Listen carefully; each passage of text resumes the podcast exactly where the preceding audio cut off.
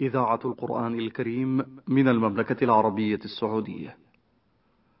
أعمال القلوب في الكتاب والسنة. برنامج أسبوعي من إعداد وتقديم الدكتور عبد الله ابن وكيل الشيخ. تنفيذ عبد الكريم المجحد. بسم الله الرحمن الرحيم. الحمد لله رب العالمين والصلاة والسلام على أشرف الأنبياء والمرسلين نبينا محمد وعلى آله وصحبه أجمعين. أيها الإخوة المستمعون السلام عليكم ورحمة الله وبركاته وبعد. فلما كان التوكل على الله من أهم مهمات الدين كان صلى الله عليه وسلم يعلمه أصحابه في مواطن متعددة من حياته. في مواطن متعددة من حياتهم ذلك أن التوكل ليس حقيقة تستقر في القلب فحسب، ولكن شأنه شأن شرائع الإيمان الأخرى، ما يستقر في القلب حتى تنقاد الجوارح لموجبه فعلا أو تركا. ولعلنا نعرض لبعض هذه المواقف التي يعلم النبي صلى الله عليه وسلم أمته فيها التوكل. أولا المرض واحد من المواقف التي لا يسلم منها أحد.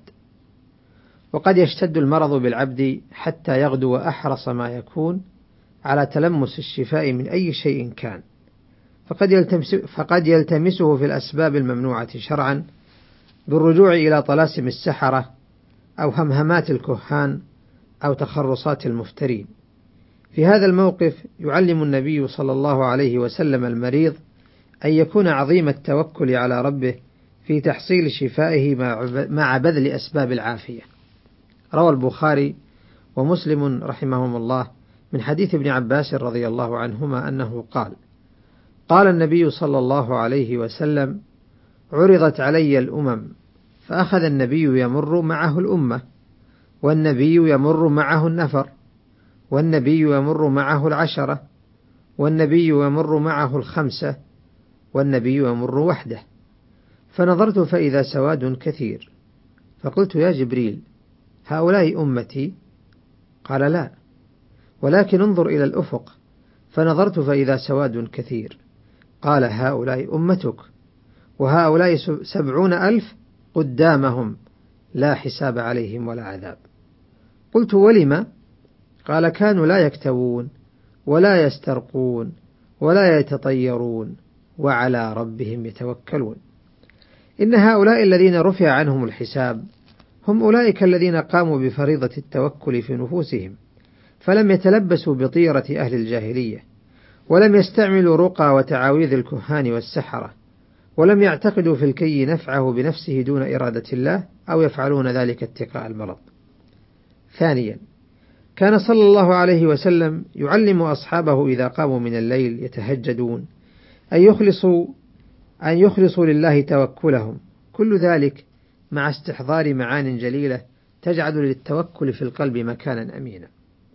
روى البخاري ومسلم من حديث ابن عباس رضي الله عنهما قال: كان النبي صلى الله عليه وسلم إذا تهجد من الليل قال: اللهم ربنا لك الحمد، أنت قيوم السماوات والأرض، ولك الحمد، أنت رب السماوات والأرض ومن فيهن، ولك الحمد، أنت نور السماوات والأرض ومن فيهن، أنت الحق، وقولك الحق، ووعدك الحق، ولقاؤك الحق، والجنة حق، والنار حق، والساعة حق.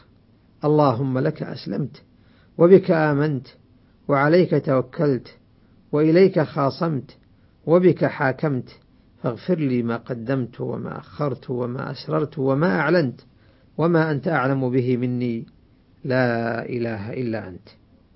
كيف أيها الإخوة لا يستقر التوكل في القلب والمرء يطالع آثار ربوبية الله للسماوات والأرض ويرى آثار قيوميته عليهما ويعتقد بالحق في قول الله ووعده ولقائه ويستيقن بجنة الله وناره وقيام الساعة. إن للتوكل من التمكن في القلب وهو يطالع هذه الحقائق الشرعية ما لا يعلمه إلا الله. وإنما ذكر صلى الله عليه وسلم هذه الأمور لأن استذكارها على الحق والصدق يوجب عند من يستذكرها تمام التوكل على الله.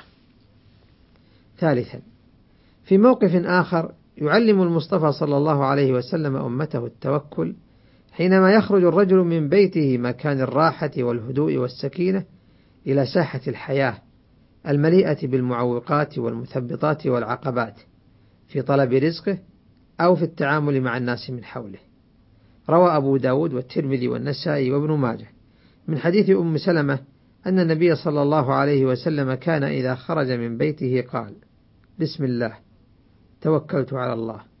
اللهم إني أعوذ بك من أن نزل أو نضل أو نظلم أو نظلم أو نجهل أو يجهل علينا. قال الترمذي هذا حديث حسن صحيح.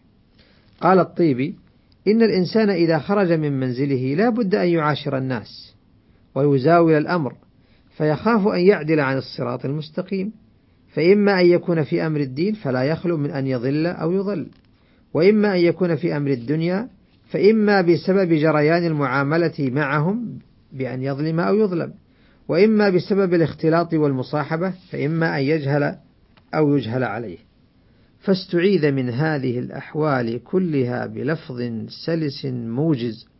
بلفظ سلس موجز وروعي المطابقة المعنوية والمشاكلة اللفظية. انتهى كلامه.